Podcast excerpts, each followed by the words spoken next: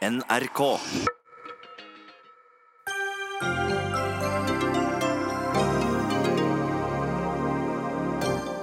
Hvis færre skal ta abort sent i svangerskapet, må vi tilby kvinner ultralyd mens fosteret er lite, foreslår en som selv tok abort i uke 19.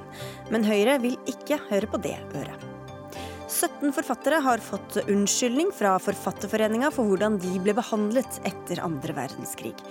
En av de 17 var antisemitt og fortjener slett ingen unnskyldning, mener professor. En ubetalt regning på 60 kroner ble til et inkassokrav på over 5000. Helt i tråd med regelverket, sier Virke. Da er det noe riv ruskende galt med reglene, svarer Forbrukerrådet. Og de konservative i Storbritannia kan være nær ved å styrte sin egen statsminister.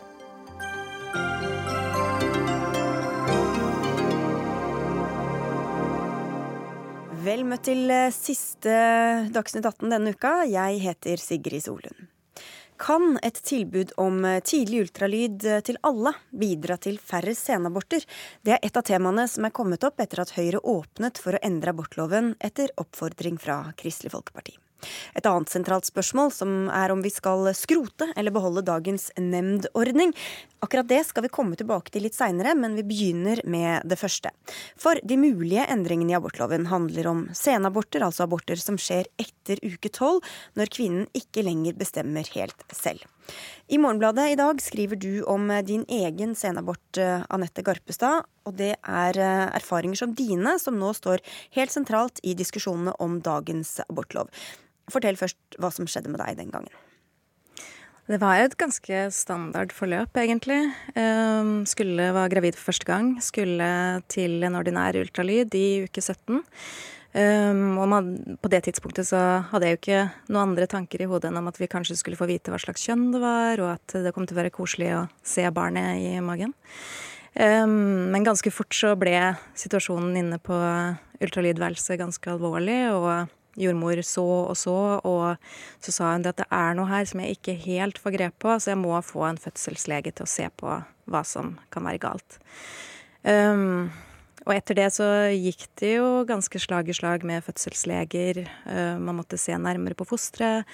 Og det ble uh, konkludert etter hvert at det var en alvorlig hjertefeil som var det som var feil. Mm. Mm. Og så? Og så uh, Da tar jo sånne ting tar faktisk ganske mye tid. Man må, man må jo gjennom litt undersøkelser, forskjellige typer ultralyd, eh, morkakeprøve, for å se om det kan være noe ytterligere avvik. Eh, så før vi hadde fått alle svar som vi følte at vi trengte, så var vi faktisk kommet til uke 19. Mm. Eh, og da, etter å ha overveid de veldig få mulighetene som fantes, så tok vi en avgjørelse om at vi ønsket å avbryte svangerskapet. Mm. Mm.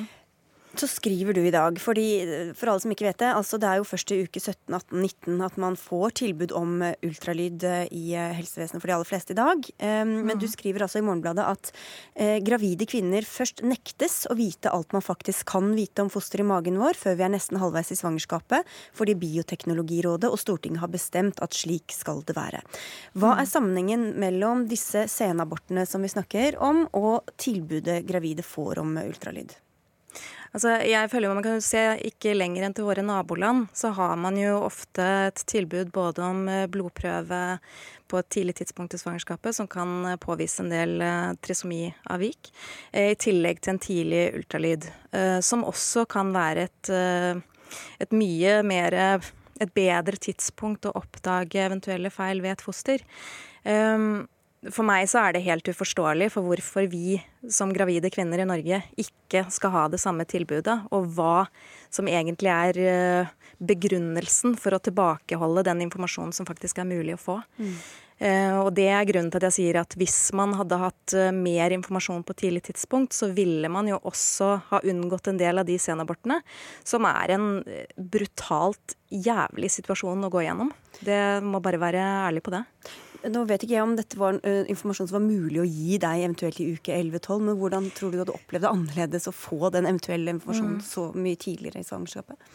Altså Det er jo det at det finnes jo ingen garantier for at man skal kunne oppdage ting så tidlig. Men det er i hvert fall en sjanse for at det er mulig. Mm. Og det er klart at den sorgen Dette var jo et sterkt ønsket barn. Eh, så sorgen hadde jo vært like stor om dette hadde vært eh, slik at vi måtte ta en tøff avgjørelse i uke 11 eller 12. Men det hadde ikke gått så fysisk brutalt utover meg og kroppen og psyken min. Det er jeg ganske overbevist om. Vi har ikke funnet noen politikere som ønska å møte deg, men vi har med en annen som også har skrevet om abort i dag i Bergens Tidende. Ingebjørn Bleivin, du er kommuneoverlege og fastlege i Stokmarknes i Vesterålen, og du sitter også i en abortnemnd, noe vi skal komme litt tilbake til. Men du sier også at det er en del som taler for å gi tidlig ultralyd til mange flere enn eh, i dag. Hva er det som taler for det? Jo, det er riktig. og eh, Historien til Garpestad viser jo med all tydelighet hvordan dagens regelverk kan slå veldig ille ut for eh, enkeltindivider. Men eh, dagens strenge regler mot tidlig ultralyd er jo ganske paradoksale. fordi er det én ting vi som samfunn kan være enige om, så er det jo at vi ønsker aborttallet ned, og særlig antall senaborter ønsker vi ned. Vi er langt på vei lykkes med å få aborttallet totalt sett ned. Eh, det går ned i de fleste aldersgrupper. Men antallet senaborter er ganske stabilt. Det går ikke så mye ned.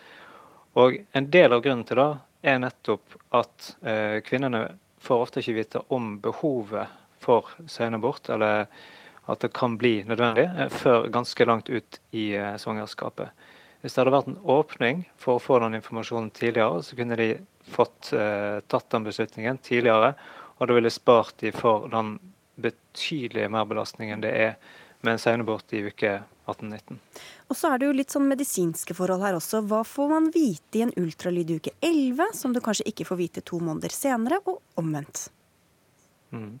Det er litt uh, forskjell i hva du kan finne på, uh, på de ulike tidspunktene. Og uh, et unntak der er jo Downs syndrom, som er mulig å se rundt uke 11, men ikke rundt uke 18.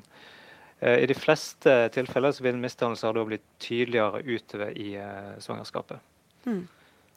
Garpestad, du skriver at det er sikkert mange som ikke vet hva som faktisk skjer når man skal ta abort så seint i svangerskapet. Hva er det man da må gjennom?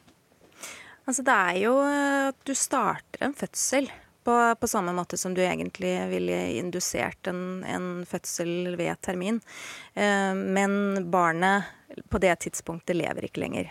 Man, eh, man sørger først, først, for at barnet ikke lever. Mm. Og så må du føde.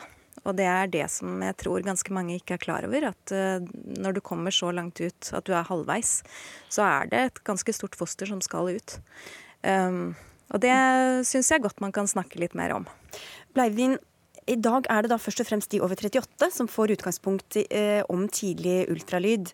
Eh, som i utgangspunktet får tilbud om det. Men det er mange andre som velger å gjøre det privat. Hvordan fungerer den ordninga sånn som du ser det?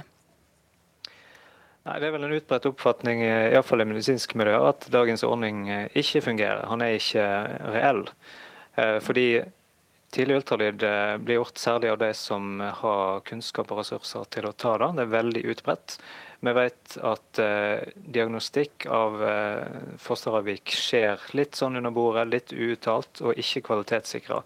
Så det er både en eh, dårlig ordning kvalitetsmessig og en sosialt dårlig ordning. For at de som da gjerne ikke eh, har de samme ressursene, de eh, er prisgitt det offentlige tilbudet, som kommer senere. Og vi ser jo da vi som sitter i nemnder at det er nok eh, tidvis en overvekt av eh, de som har en vanskelig sosial situasjon. Garpestad har etterlyst eh, at disse erfaringene som hun har snakket om, eh, blir reflektert i den politiske debatten. Så vi skal gå over til den politiske debatten, men, men begge to, Bleidvin og Garpestad, dere må bli der hvor dere er, for vi skal komme tilbake til dere om eh, litt. Men da går vi til deg, Maria Jarman Bjerke, du er statssekretær i Helse- og omsorgsdepartementet. Og Garpestad, som verken dere eller KrF, som vi også forsøkte å få i tale, ønsket om Altså ingen av dere ønsket å møte henne i debatt, men vi hørte altså her at hvis man vil gjøre noe med senabortene, så må man tilby tidlig ultralyd ultralyd. Hva sier du til den eh, logikken? Så det er flere grunner til at eh, Høyre ikke ønsker å innføre et eh, offentlig tilbud om tidlig ultralyd. Eh, for det første så må vi skille mellom fosterdiagnostikk, som kan gi viktig informasjon om barnets helsetilstand eller genetiske egenskaper, og det er det egne regler for bioteknologiloven. Det vi snakker om her, er en rutinemessig undersøkelse som, ledd, eh, som et ledd i den vanlige svangerskapsomsorgen, der hensikten er å følge barnets normale utvikling. Og så er det slik at Fra fagmiljøene så er det konkludert eh, med at det ikke finnes noen eh, dokumentasjon på en helsemessig gevinst ved tidlig ultralyd. Da ser de jo selvfølgelig på totaliteten, men tror du at det kunne gitt færre senaborter hvis man hadde hatt et sånt tilbud til, eh, til folk tidlig i svangerskapet? Altså nå er det jo fra fagmiljøenes ståsted påpekt at man ikke finner noen helsemessig gevinst ved dette, og at det er en begrenset medisinsk nytteverdi. Eh, ved tidlig ultralyder. Så Høyre mener derfor at en utvidelse av tilbud om undersøkelse uten medisinsk begrunnelse eh, kan føre til eh, et press for å abortere vekk fosteret basert på egenskaper, noe som også vil undergrave verdien av et samfunn med plass til alle. Vi skal komme litt tilbake til det, men Ingvild Kjerkol, du eh, sitter på Stortinget for Arbeiderpartiet og er medlem i helse- og omsorgskomiteen der. og Dere ønsker å tilby dette til mange flere enn i dag. Hva er årsaken til det, hvis man da, som vi hører fra faglig hold, ikke har noe egentlig belegg for at det vil eh, gi de ønskede effektene? Arbeiderpartiet mener at alle kvinner skal få det tilbudet som veldig mange ressurssterke kvinner går til private og får i dag, nemlig ultralyd i tolvte uke. Og Det begrunner vi med de gode argumentene som legen hadde før meg her. Både det at det gir presis informasjon som kan hindre flere senaborter, men også det at det er veldig urettferdig at ikke alle har lik tilgang til helsetjenesten. Og Det som er viktig for oss, det er at også de aller minste pasientene, de som er foster i mors liv, får muligheten til å få helsehjelp. Nå har det vært veldig fokus på i dette innslaget om at det kan hindre senaborter, men tidlig ultralyd redder også liv. Ja, hørte... I, i 2017 ja. Kan, i, 20, I 2017 så ble elleve norske kvinner sendt til Tyskland og behandla for såkalt tvilling-tvilling-transfusjonssyndrom. Det er 22 barn som ellers ville gått til grunne i mors liv fordi at det er en potensielt dødelig tilstand. Den kan behandles, og den behandles i den helsetjenesten som eh, Maria Bjerke og, Bent Høie er ansvarlig for. Derfor så mener vi at alle må få dette tilbudet. Det er også sånn at det kan redde liv, ikke bare hindre flere senaborter. Ja, ikke sant? Det er, og, det er et, og det er flere andre også sykdommer som kan oppdages tidlig og, og avverges, um, ja. Bjerke. Men så, hvorfor skal da frykten for at noen vil ta abort, trumfe hensynet til de fostrene som da kan bli friske? Eller kan bli redda ved en sånn tidlig ultralyd? Ja, nå er Det jo slik at det eksempelet som Ingvild Kjerkol tar opp med tvilling, tvillingtransfusjon, eh, der kan man ikke se symptomer eh, før eh, uke 18. Sånn Nei, men Du kan vite at det er tvillinger, ikke, det får du jo ikke vite senere. Det vil uansett ikke være relevant for denne debatten. Det vi mener er at dersom man skulle jo, innført et offentlig deg, men du får jo ikke, altså hvis du, Ellers så kan du få vite først i kanskje uke 18-19-20 at du faktisk har tvillinger. Så der kan man jo da gjøre forebyggende tiltak eller overvåke svangerskapet på en annen måte. Det må du være enig i. Ja, men altså Selve symptomen på tvillingtransfusjon, som er da en eh, morkake som, som, de har felles, kan man jo ikke se før i, før i uke 18. Eh, slik at det, man vil jo uansett det stemmer. så vi må, vi må, høre på fagmiljøene som har sagt det, at uh, man kan ikke se symptomer på dette før uh, uke 18. Nei, okay, slik at men, Dersom man skulle innført et hvis... offentlig tilbud om tidlig okay. ultralyd Men du er enig i at noen ting kan man se tidlig, og det da kan avverges. Og da blir jo det en avveining om man vil ta mer hensyn til, til dem, eller til det potensielle sorteringssamfunnet som mange, mange kaller det, eller mange frykter. Altså, eh, Dersom vi skal innføre et offentlig tilbud med begrenset medisinsk nytteverdi, eh, så vil jo det innebære at helsetjenestens knappe eh, ressurser brukes til tilbud som ikke er nødvendig ut fra medisinsk begrunnelse. Og det vil ikke være nok fagkompetanse, det vil ikke være nok kapasitet i helsetjenesten til å gi alle tilbud om tidlig ultralyd. Og så er vi veldig opptatt av at gravide som ikke ønsker å vite ikke skal oppleve noen form for press eller noen form for forventning fra myndighetene om at de skal undersøke. For Vi må ikke glemme hvilken signaleffekt det gir dersom det blir innført som et offentlig tilbud til alle. Men la meg ta det første først, Kjerkol. For det er jo faktisk sånn de aller fleste fostre er friske. De fleste svangerskap uh, trenger ikke mer oppfølging enn å gå til uh, fastlege og, og, jordmor. Og i et helsevesen med umettelig behov, hvorfor skal man da sette av så mye ressurser til å følge opp hver og en enkelt, kanskje med, gjennom flere ultralyder da, gjennom svangerskapet? Dette er jo et tilbud som norske gravide kvinner får i uke 18 i dag. Det koster jo ikke veldig mye mer ressurser om de får det samme tilbudet i uke 12. Så ja, det de må kanskje ha begge deler, da. Det er ikke nødvendigvis sånn at en, en ultralyd i uke 12 gir det samme svarene som du får i uke 18, så kanskje man må ha dobbelt opp? Ja, nå syns jeg ikke det er godt nok sannsynliggjort at det her er så ressurskrevende at vi skal prioritere det bort. Det er det Høyre som har det regnestykket, ikke Arbeiderpartiet. Vi mener at alle kvinner skal få denne muligheten. Ja, men Du prioriterer jo ikke bort noe som, som ikke fins. Du må jo prioritere det inn i budsjettet, inn i tidsplanen til alle legene eller jordmødrene som, som skal eh, stå for dem.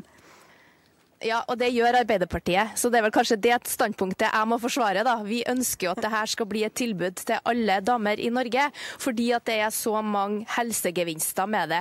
Og når Maria Bjerke viser til at det ikke er helsegevinst, så er det jo fordi at man ikke har forska nok på det. Vi vet jo også at det å hoppe ut fra fly, det er ikke noe smart. Vi trenger ikke å forske på det heller. Bare det at eh, den eh, hun dama som forklarte den påkjenninga det er å gjennomføre en senabort i uke 18, hun kunne ha fått samme informasjon i uke 12, og det ville ha vært en helt annen livserfaring enn den hun sitter igjen med nå. Så det er gode argumenter både fra det medisinske miljøet og ut ifra et perspektiv om at også de minste pasientene må få best mulig kunnskap og kunne ta imot helsehjelp. Og Det er flere diagnoser som det blir sagt, så man kan gi hjelp både i mors liv, og man kan være klar fra helsetjenesten den dagen barnet kommer ut. Okay, men, men, men, men, det Ingvild Kjerkol egentlig tar til orde for nå, er en form for falsk trygghet. Fordi at uh, man, Det er mange ting man ikke kan påvise så tidlig i svangerskapet, som må uansett senere bekreftes eh, senere i svangerskapet. Og Det var jo også den historien vi hørte nå et eksempel på, hvor hun sa at det var første uken uke 19 at vi fikk ordentlig bekreftet. Sånn at her skal man da innføre et offentlig tilbud som kan gi falske positiver, dvs. Si at man får et eh, måte, negativt resultat uten at, og, uten at, det egentlig er noe galt med barnet. At man skal gå da med en usikkerhet gjennom hele svangerskapet. Ok, men jeg vil til det andre poenget du hadde, Bjerke, også til, til Kjerkol. fordi Vi vet at 98% av gravide som blir tilbudt eh, ultralyd i dag, takker ja. Og vi vet også at de aller fleste som får påvist Downs syndrom hos barnet, tar eh, abort. Og når vi blir tilbudt noe fra helsevesenet, så tenker vi vel automatisk at de anbefaler oss å gjøre det, at de, de, tilbyr noe som er bra for oss. Så hvor mange tror du da ville takket nei til å gjøre dette? Ja, men det er nettopp derfor vi nei, ikke det var egentlig, Det var til Kjerkol. var det spørsmålet til meg? Ja, det var til deg, vet du. Alle sitter forskjellige steder, så det er veldig forvirrende det hele. Ja, Kom igjen, Kjerkol. Ja. Nei, om jeg tror norske kvinner ville ha takka nei til tilbudet? Det ja, tror jeg nok ikke. Jeg tror nei, de takker ja til, ja, de takker ja til tilbudet. Og en god oppfølging i svangerskapet. Og da er jo spørsmålet da, når vi vet at, at de aller fleste takker ja, og vi vet også hva det fører til mm. av, av uh, tilstander for å si det sånn, som blir uh, fjernet, uh, altså som blir abortert bort, hva tror du det gjør med det som folk da frykter og, og kaller sorteringssamfunnet?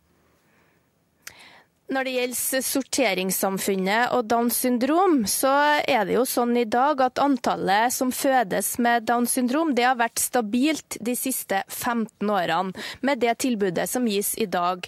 Og det har faktisk økt med 30% siden 1970 og fram til i fjor. Så denne, denne skråplanargumentasjonen, at bare du gir norske kvinner kunnskap om egen kropp og helse og om foster fosteret i, i, mors mage, så vil gale ting skje. Det kjøper jeg ikke på vegne av norske kvinner. Det er faktisk sånn at de aller fleste ønsker å få sine barn og har forventning til det. Vi kan ikke forskuttere hvilke beslutninger den enkelte familie gjør, og vi kan i okay. hvert fall ikke bruke det som argument når det er snakk om å gi en, en tjeneste som også kan gi helsehjelp og redde barn i mors liv. Ok, Helt kort til slutt, Bjerke. Det man i hvert fall kan se på, er erfaringen fra andre land som har innført tidlig ultralyd. Eh, Danmark bl.a. Eh, har det.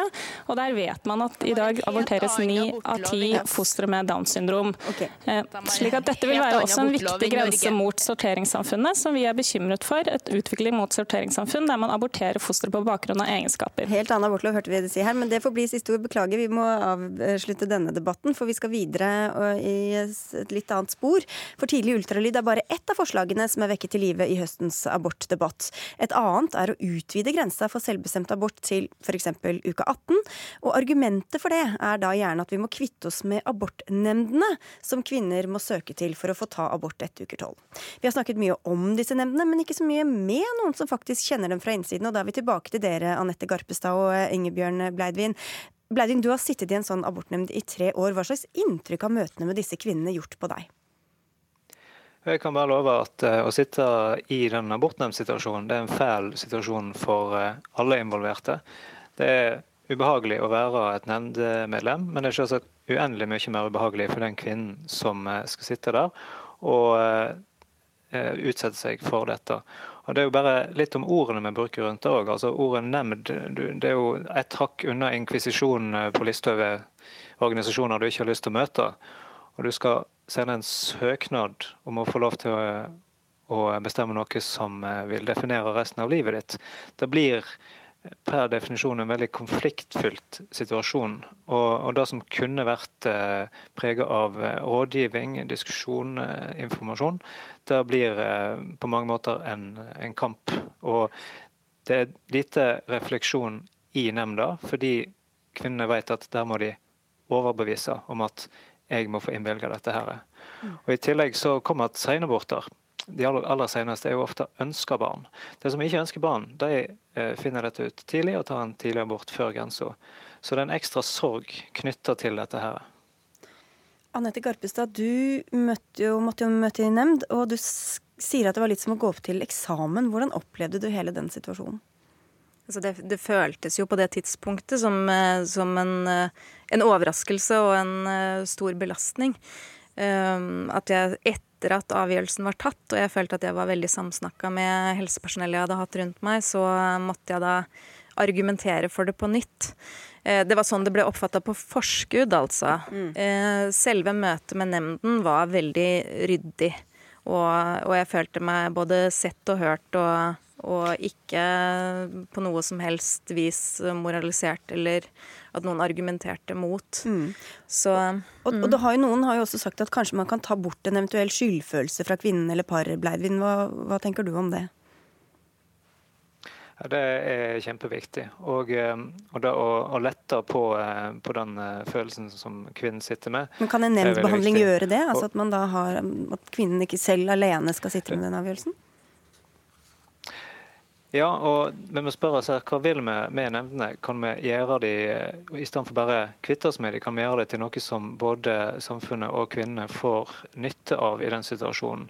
Hvis vi eh, fortsetter å ha en form for eh, abortråd, om du vil, eh, der folk møter og får informasjon og kan eh, bli støtta i uansett hva beslutning de lander på, uten at det er et så sterkt preg av eh, en domstol, mm. så eh, tror jeg eh, nemndene i en eller annen form har en plass også i en uh, fremtidig uh, abortlov.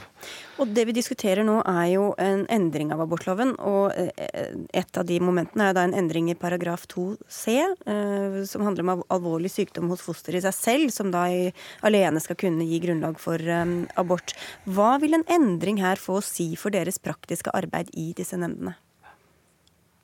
Ja, det er veldig rart å, å sitte i abortnemnd og forholde seg til et lovverk som en diskuterer om en skal endre, og så får vi høre at hvis det blir endret, så skal vi likevel ikke endre praksis. Da begynner vi å lure på hva er det egentlig vi driver med. Helseministeren og statsministeren har jo sagt at uh, dette skal ikke føre til færre aborter.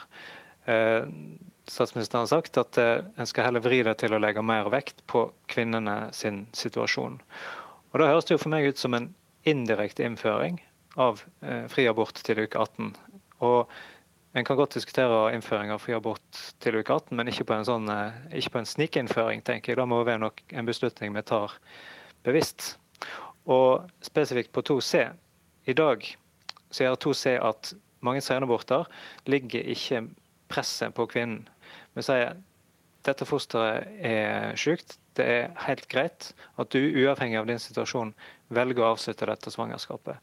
Tar vi vekk 2C, så ligger alt presset kun på kvinnen. Og da var nevnt i flere saker og klinikker dette med den på en måte stakkarsliggjøringen som kvinnene da må utsette seg for. Ja, For da må det handle om at hun ikke evner å ta vare på barnet, eller tenker at hun ikke klar, er i stand til å følge opp?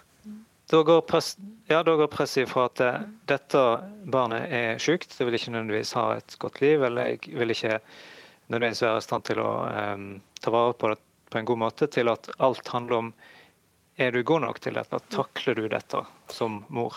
Og det er mulig at uh, en kan si på samfunnsnivå så er den belastningen på den enkelte mm. verdt det for å opprettholde et, et eller annet mangfold.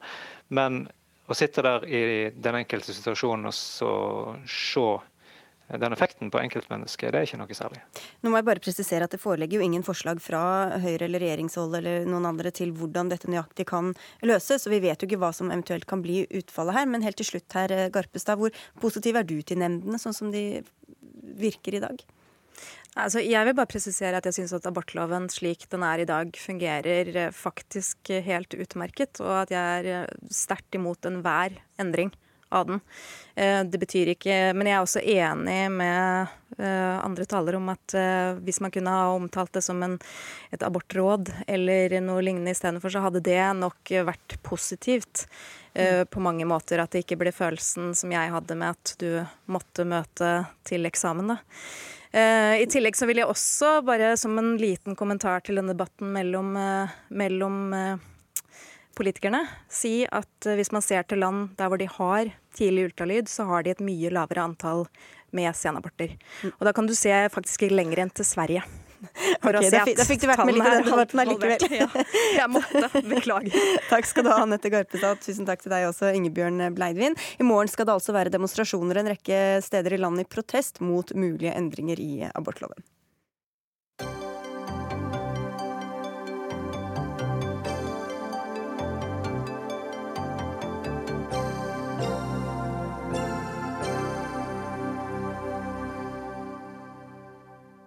Vi blir visst aldri helt ferdig med andre verdenskrig. I hvert fall kan denne høstens debatter tyde på det. For eh, få uker siden fikk de såkalte tyskerjentene en statlig unnskyldning.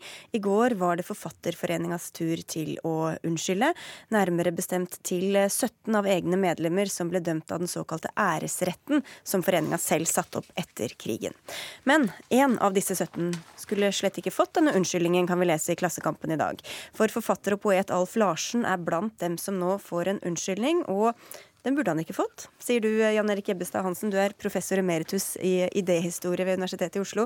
Hva var det Larsen, som sikkert mange ikke kjenner så godt til, hva var det han gjorde og skrev som gjorde at han ikke burde vært på denne lista? Nei, han var jo da Drev jo et eh, tidsskrift på 30-tallet som heter Janus. Eh, og der eh, skjelte han ut kritiserte det norske samfunnet etter noter eh, gjentatte ganger. Så kom okkupasjonen, og da gikk han eh, istedenfor å gå løs på da okkupantene og nazistene, så gikk han løs på det norske samfunnet og kritiserte hele motstandsbevegelsen i Norge i disse to årene fra før til 41, disse to årgangene av tidsskriftet sitt. Og han gikk svært langt i å fremheve hva vi kunne lære av denne okkupasjonen, hva vi kunne lære av nazistene, alt det positive vi kunne få ut av denne okkupasjonen. Og han så på denne okkupasjonen som en nødvendig renselse. Han ville, som han sier, som nazistene, eh, bli kvitt, få feid vekk det gamle samfunnet. Det så han som positivt, og det var en nødvendig renselse,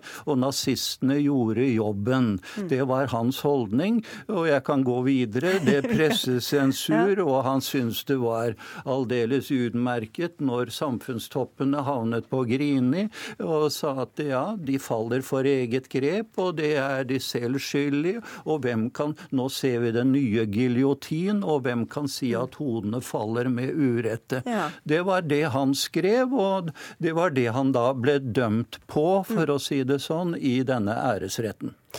Leder i Norske forfatterforening, Heidi Marie Krisnik. Altså, Larsen døde for mange år siden, i 1967, og han kan ikke forsvare seg her. Men hvorfor skal dere be om, om unnskyldning til en forfatter som tydelig har hatt disse holdningene og gitt uttrykk for dem? Eh, da er det viktig for meg å si at det er de prinsipielle sidene eh, ved at Forfatterforeningen, i likhet med andre kunstnerorganisasjoner, opprettet en utenomrettslig domstol Eh, hvor det ble gjort avgjørelser på eh, vilkårlig grunnlag og eh, prega i en spesiell tid. Eh, og basert på mye følelser. Vi går ikke inn og rehabiliterer enkeltforfattere. Og jeg syns det er synd nå at det mange opplevde som en unnskyldning, at de hadde følt seg stripete. Det var 10-12 familier der i går når vi ba om unnskyldning. Fordi det er jo ingen som er gjenlevende av de 17 vi har beklagd til. Uh, og så er det 10-12 familier der som opplever at de nå blir sett, og at uh, de har blitt frikjent for det uh, stripete. Men, men, forstår du at det kan opp oppleves som en rehabilitering, en renvasking av Larsen i dette tilfellet? Det høres jo ikke bra ut. ikke sant? Det er jo klart vi tar avstand for disse holdningene, men det er veldig viktig nå å holde liksom det prinsipielle klart. Fordi jeg får jo da lyst til å spørre Ebbesen tilbake. Syns du det var rett at en kunstnerorganisasjon oppretter en domstol som heter æresrett etter det tyske eh, praksisen, ikke sant? Eh, og dømmer eh, forfattere, medlemmer i Forfatterforeningen, til bøter, til å ikke liksom få ha tillitsverv, betale tilbake hva de har tjent under krigen, og at Forfatterforeningen som kunstnerorganisasjon setter seg til doms over dette og avgjør ting innen et mm. halvt år og kommer med en dom. Jeg tar ikke stilling til berettigelsen av denne æresretten, og jeg syns det er veldig underlig denne argumentasjonen om det prinsipielle her. For, for, det første så er det 17 som da skal forfattere som skal være frikjent på prinsipielt grunnlag, men det var også en rekke forfattere som ble ekskludert fordi de hadde vært medlem av, av NS. Og de har ikke fått noen noen, noen eh, unnskyldning. Ja, så det er ikke så, og det er jo den samme, samme, æresretten som det her nå problematiseres legitimiteten av. Er, denne, den, er det ikke legitim rett, så må man vel da gå og frikjenne da Åsmund Sveen og Kristen Gunderlach og de andre som ble kastet ut, tenker jeg da. Så dette her syns jeg er helt eh, underlig argumentasjon. Det er svare på logikken der. Eh, ja, jeg holder på at det er det prinsipielle. Jeg syns det er bra at uh, en forsvarer rettssikkerheten. Jo, ja. men hvis noen ikke får en beklagelse, og andre får det? Ja, hvis, jeg syns det er kjempefint hvis det er noen navn du tenker burde få en beklagelse. Du... Var det ikke slik at 33 ble dømt, men bare 17 får unnskyldning? Ja, det er, for det er noe med De som var NS-medlemmer, de var jo en del av Landsvik-oppgjøret. Så dette handler jo om de 17. Men prosessen var jo den samme, så da har du tatt stilling til hver enkelt på sett og vis? Jeg mener at dette handler om å si unnskyld til de som urettmessig ble dømt på bakgrunn av uriktige men, men, hvorfor da? Hva med de som ikke får den beklagelsen? Hva er, hva er logikken i det? Ja, det er det jeg også lurer på, da. Ja, Da kan jo ikke få svare. Eller hvis du har noe svar, da. Ja, jeg tenker at vi har fått framskraffet 17 navn som fortjener en unnskyldning. Og jeg syns det er synd at vi nå skal redusere den unnskyldningen til de. Nei, men jeg skjønner ikke. Hvis det var sånn at 33 forfattere ble uh, dømt da, i denne såkalte æresretten, og så er det bare 17 som får en beklagelse, da har dere jo gått inn og gjort en vurdering av noen fortjener eller ikke? Her registrerer jeg at det er ulike meninger, da. For jeg leste jo også Klassekampen i dag. og ser jo at uh, Ja, det lurer jeg også på. For da er det jo Cato Schjøtz har jo et annet syn, og så har du ditt syn. Og så tenker jeg at det her er jo det prinsipielle. Men jeg skjønner ikke fakta. Var det sånn at 33 ble dømt, og bare 17 får en beklagelse? Jeg har fått framskaffet 17 navn som vi endelig har sagt unnskyld til. Ok, Så det var ikke det med at de NS-medlemmene ikke får det? Mange av de meldte seg ut selv. Jeg skjønner ikke. Var det sånn, er det sånn at dere har latt være å gi beklagelse til folk fordi de var NS-medlemmer? Nei, jeg har fått framskaffet 17 navn. Ok, Så alle du vet ble uh, dømt i denne æresretten, de har fått en beklagelse? Vi, de 17 navnene som jeg leste opp i går, de er det denne beklagelsen retter seg ja. til. Ja, det kommer ikke videre her. sånn. Det er helt klart at dette er et stort problem som eh, Forfatterforeningen må ta stilling til. Det er også en rekke som ble ekskludert pga. sitt æresmedlemskap eh, på grunnlag av den samme æresretten som de nå eh, frakjenner legitimitet. Men nå, bortsett fra det, jeg tror heller ikke på at dette dreier seg om, om ren prinsipielle holdninger. Her er det foretatt vurderinger, og det sier jo da Kritz Lysing eh, hele tiden i sin presentasjon av, eh, av denne beklagelsen. F.eks. de 17 opplevde på urettmessig grunnlag å bli dømt for å ha sviktet under krigen. Straffen mot dem var ubegrunnet og basert på til dels uriktige oppløsninger og skjønn, sier men, men er du ikke enig i det, da? Hvis dette var bare noe som skjedde sånn uten at de fikk ja, forsvare seg, eller Men her går jo eh, Kritznik inn på en vurdering av de enkelte urettsmessige opplysninger og skjønn. Og da spør jeg, var det urett, urettmessig å kritisere Alf Larsen for sine nazisympatier? Okay, ja, og der, Jeg er ikke historiker. Eh, jeg er medlem av, eller leder av en kunstnerorganisasjon eh, som holder ytringsfriheten høyt. Og i denne saken, som er en skamplett på vår forenings historie, så har vi ikke holdt ytringsfriheten høyt. Nei, Så har, dere har ikke tatt noen vurdering, sier du? Dere bare sier at denne prosessen var så dårlig at her, her, her beklager vi til alle vi har klart å skaffe navnene på. Og det er de 17. Ja, og det jeg vil spørre om tilbake okay, da Da må dere være raske, veldig raske. Ja, er det rett at en kunstnerorganisasjon lager en egen domstol? Det tar ikke jeg stilling til. Det ikke det ankemulighet. Okay, det dreier seg om en rehabilitering av, vi re av Larsen. Vi rehabiliterer ikke forfattere. Det står, det står det her. Det er, slik har jeg oppfattet det. Slik har eh, Cato Schjøtz oppfattet det. det har, slik har professor Tore Rem oppfattet at det dreier seg om en rehabilitering, og at de har foretatt en underkjennelse av min forskning, sies det i. Klassekampen i dag. Forfatterforeningen har Dere snakker om to forskjellige ting. Du sier at dere ikke underkjenner Det handler ikke om det? Jeg underkjenner ingens okay. forskning. Jeg underkjenner ikke verken Vi er nødt til å avslutte. Greit. Beklager. Beklager. beklager. Takk skal dere ha, begge to. Jan Erik Ebbestad Hansen og eh, Heidi Marie Kristnik, for at dere kom til Dagsnytt 18.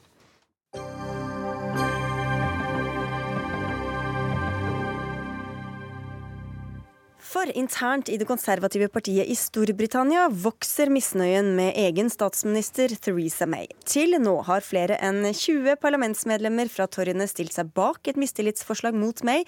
For at forslaget faktisk skal fremmes, trengs det ytterligere 28 underskrifter fra de konservative parlamentsmedlemmene. Korrespondent i London, Øyvind Nyborg. I går forsvant det, som du sa, nærmest ett regjeringsmedlem i timen fra Mays regjering. Hvordan har dagen vært i dag? Ja, Det har vært stor spenning her i lufta. Husk på at dette er en veldig alvorlig eh, politisk sak for Storbritannia nå. Ikke bare er det alvorlig for regjeringen, men det er jo en veldig alvorlig eh, beslutning de skal ta for eller imot EU. Eh, e Og så trenger de altså 48 underskrifter. Hvordan er opptellinga nå på den, Nyborg? Det er 21 eh, som har eh, sagt offentlig at de støtter et mistillitsforslag. Men eh, det kan godt hende at det er langt flere, at det er så mange som 48 som de trenger for å faktisk få gjennomført en votering. Men det er fordi at noen kanskje vil holde dette her hemmelig. Systemet er sånn at hvis 15% av de konservative parlamentsmedlemmene ønsker seg en mistillit mot egen partileder, ja, så blir det en votering. Trine Andersen, redaktør i Britisk politikk. Hvorfor ser såpass mange i det konservative partiet seg tjent med å skulle fjerne Theresa May, sin egen statsminister? Ja, Det er et svært godt spørsmål. Jeg har ikke noe klart svar på det. Jeg kan faktisk ikke forstå det. Jeg kan ikke forstå hva de skal oppnå med det. De vil bare, tror jeg, da, bare kaste landet ut i et eh, voldsomt kaos. En, en eh, utfordring eh, til en partileder hvis det nå ender med at hun blir kastet, det vet vi jo ikke, så vil jo det være en ganske lang prosess. Hvis det nå ender opp med to kandidater, som det da gjerne gjør, så må jo det ut til mm. uravstemning i det konservative partiet, og det kan ta en ja, åtte-ni uker. Mm. Så det er veldig vanskelig å forstå, egentlig. Det må være noen personlige ambisjoner her kanskje også. Jeg vet ikke. Kanskje du kan bringe litt lys over det hele, Nyborg. Hvem er det som er mest høyrøsta i, i iveren etter å få avsatt May? Jo, Den mest høyrøsta i akkurat dette spørsmålet er erkekonservative Jacob Rees-Mogg. Fordi når han kom ut på trappa eh, i Westminster i går, så var det iscenesatt eh, et eh, opplegg. Han, det var nærmest som han trakk av, han fyrte av. Startskuddet gikk for at de konservative som støtter hans linje, skulle sende inn disse brevene som støtter et mistillitsforslag mot meg. Og det er klart at For dem så er det veldig tungt å skulle svelge at ikke bare i en overgangsfase så skal Storbritannia være med i tollunionen, men det kan også bli mer permanent dersom man ikke får til en bedre løsning på grensen mellom Nord-Irland og Irland. Så det er klart at her er det snakk om noe som ligger i ryggraden på disse folkene her. Det er 40 års motstand mot EU. Og så På sidelinja her så står det en opposisjon og Jeremy Corbyn. Hvordan er det han forholder seg til det hele, Andersen? Ja, I Underhuset i går så forholdt han seg jo ganske tøft. Han var tøff mot Theresa May og sa at denne avtalen her var helt uh, forkastelig. Den vil han absolutt ikke stemme for. Men det som er spennende her, er jo vil noen av Labours eh, representanter i parlamentet bryte ut når det kommer til avstemningen i, i Underhuset en gang i desember? Det, det, skal, det skal, ganske mange til for å, å, få et flertall for avtalen. Da. Så Det er jo snakk om kanskje at en 15-16 skal bryte ut. Det er jo ikke nok. Men hva skjer med avtalen hvis Theresa May plutselig må gå av? Ja, det kan jeg faktisk tør jeg ikke å svare på. Rett og slett. Jeg må bare si det. Her er det så mange usikkerhetsmomenter. Ja, det er så usikkerhet at jeg må nesten bare være ærlig nok til å si det. tør jeg rett og Det tror jeg ingen vet, rett og slett.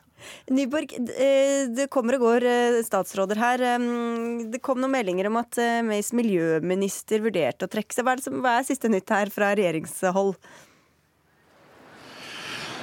Uh, jo, Det siste nytt er at uh, Theresa May hun har uh, da utnevnt to nye statsråder til erstatning for de som gikk i går.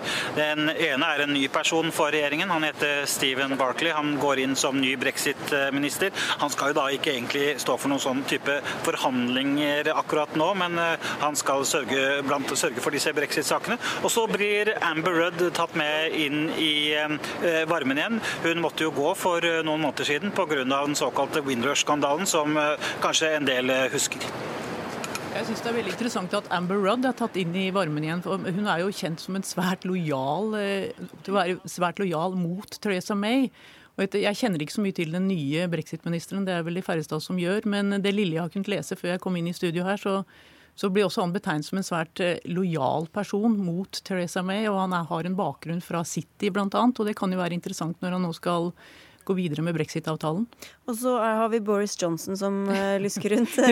Hvordan uh, Vil du beskrive hans rolle nå etter hans exit uh, pga. brexit, hvis vi kan si det sånn? Ja, Litt bemerkelsesverdig kanskje at han har holdt seg litt i ro de siste par dagene. Han pleier jo virkelig å vise seg Han var jo den som først kommenterte av, avtaleutkastet som lå på bordet.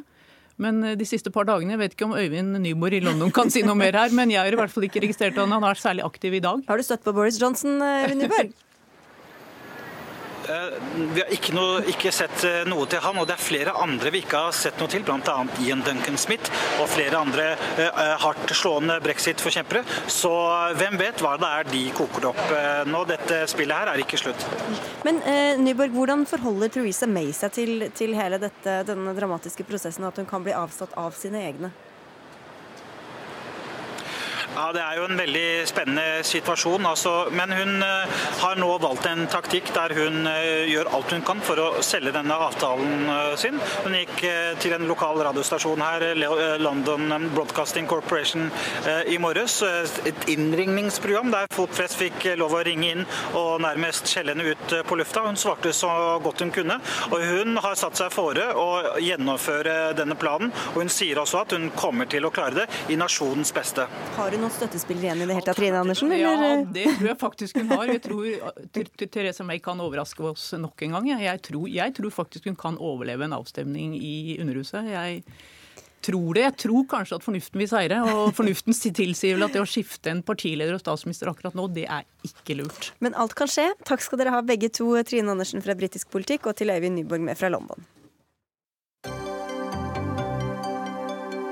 Hør Dagsnytt 18 når du vil radio NRK NO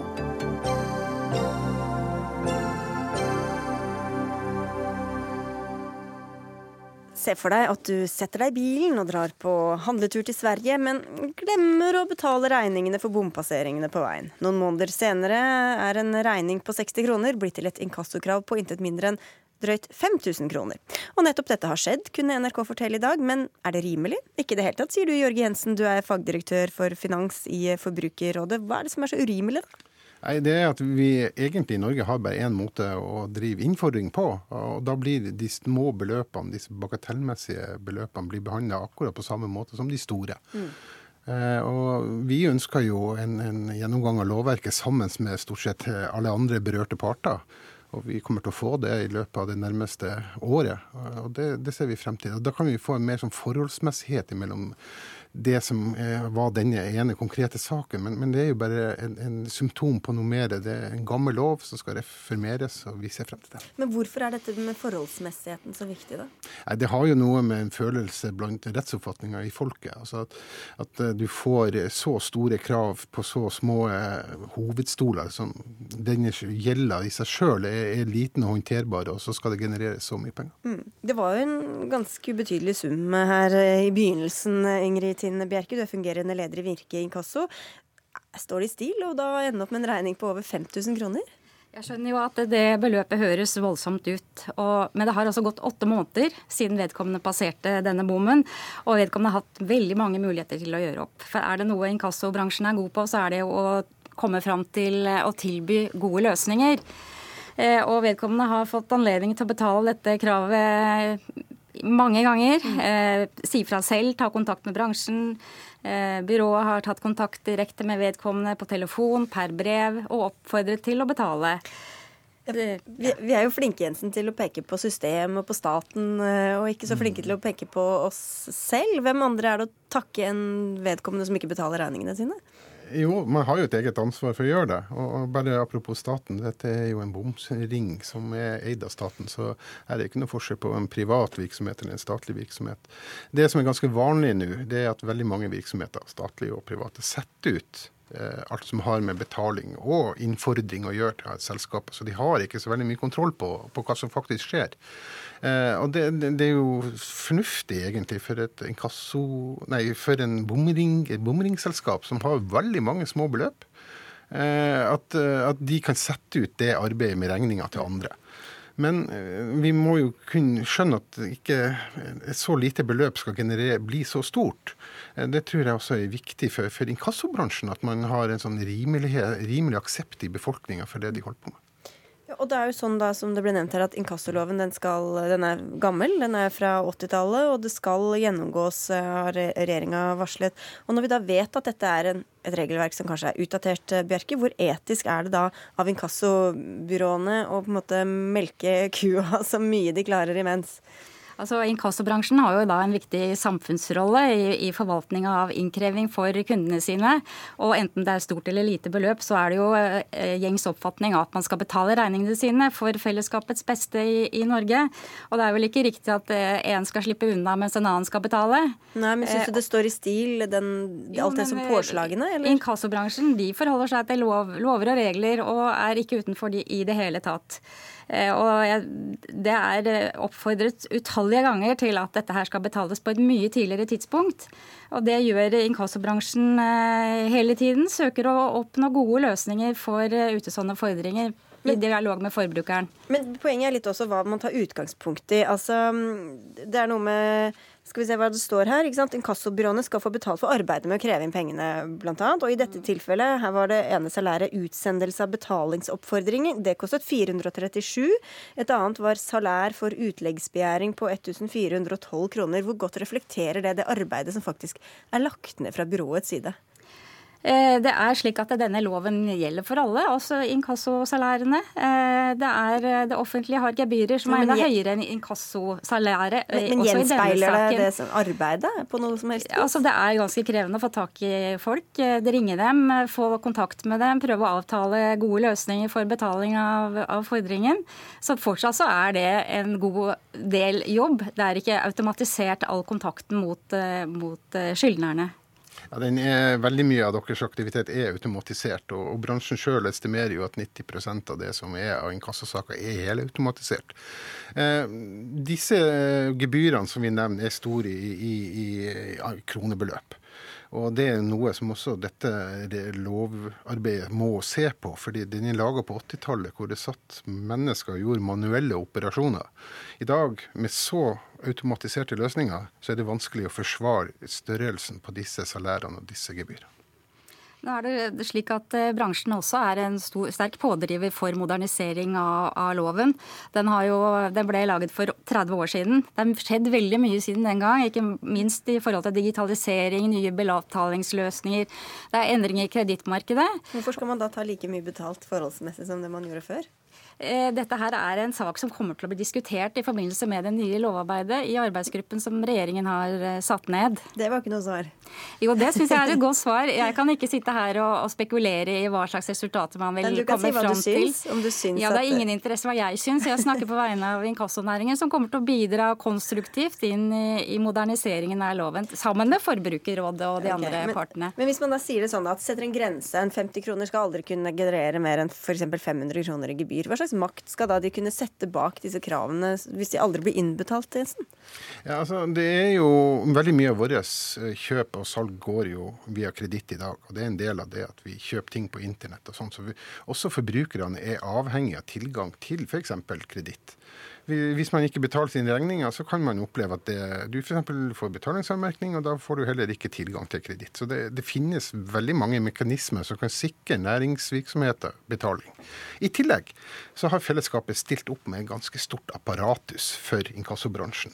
Eh, politiet eller namsfogden eller namsmannen er en, en, en institusjon som er, eh, fellesskapet har gitt både til næringsdrivende og inkassobransjen å bruke. sånn at dette er supereffektivt. Eh, det er faktisk sånn at eh, I akademiske sirkler så spør man om det finnes noe som heter usikra gjeld, fordi at du har et system i bakgrunnen som sikrer selvkreditt. Men er, jeg kan også fordele at det er faktisk over 90% av sakene som løses uten hjelp av namsmannen. Ok, Så får vi vente da og se hva den eventuelle nye loven eh, bringer. Og så får vi takke dere to i mellomtiden og ønske dere god helg. Ingrid Tine Bjerke fra Virke og Jørge Jensen fra Forbrukerrådet.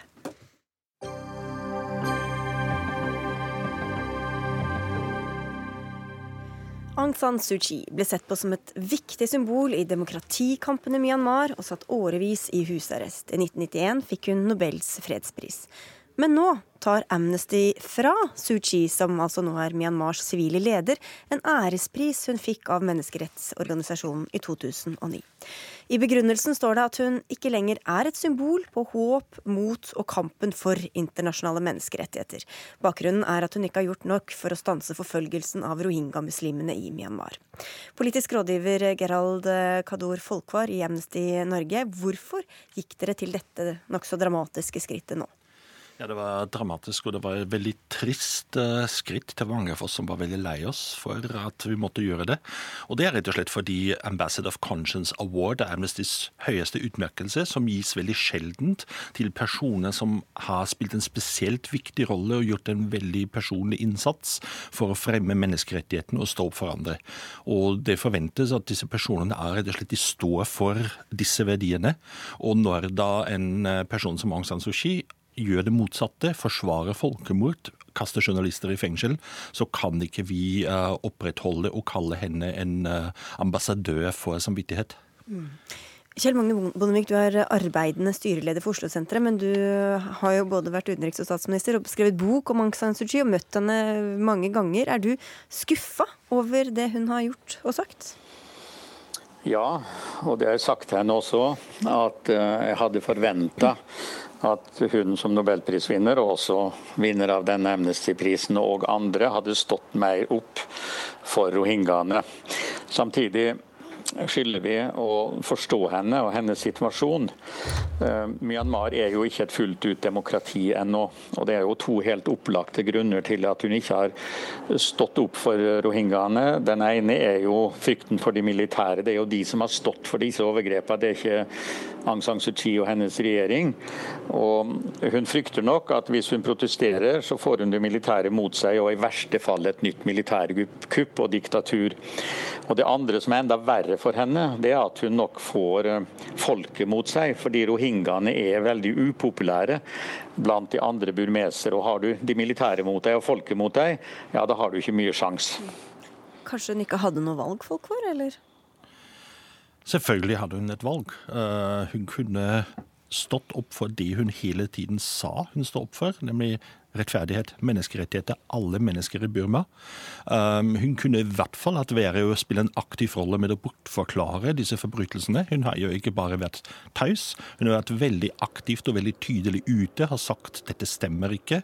Det er rohingyaene selv som tenner på sine egne hus, det er de som begår angrep mot militæret. Det er det eneste grunnen for, for at uh, vi må, vi må skyte på de. Og hun opprettholde det. Og jo, hun har eh, en vanskelig rolle, fordi det er stor rasisme i, i Myanmar. Og det er veldig mange som har lært seg å hate rohingyaene.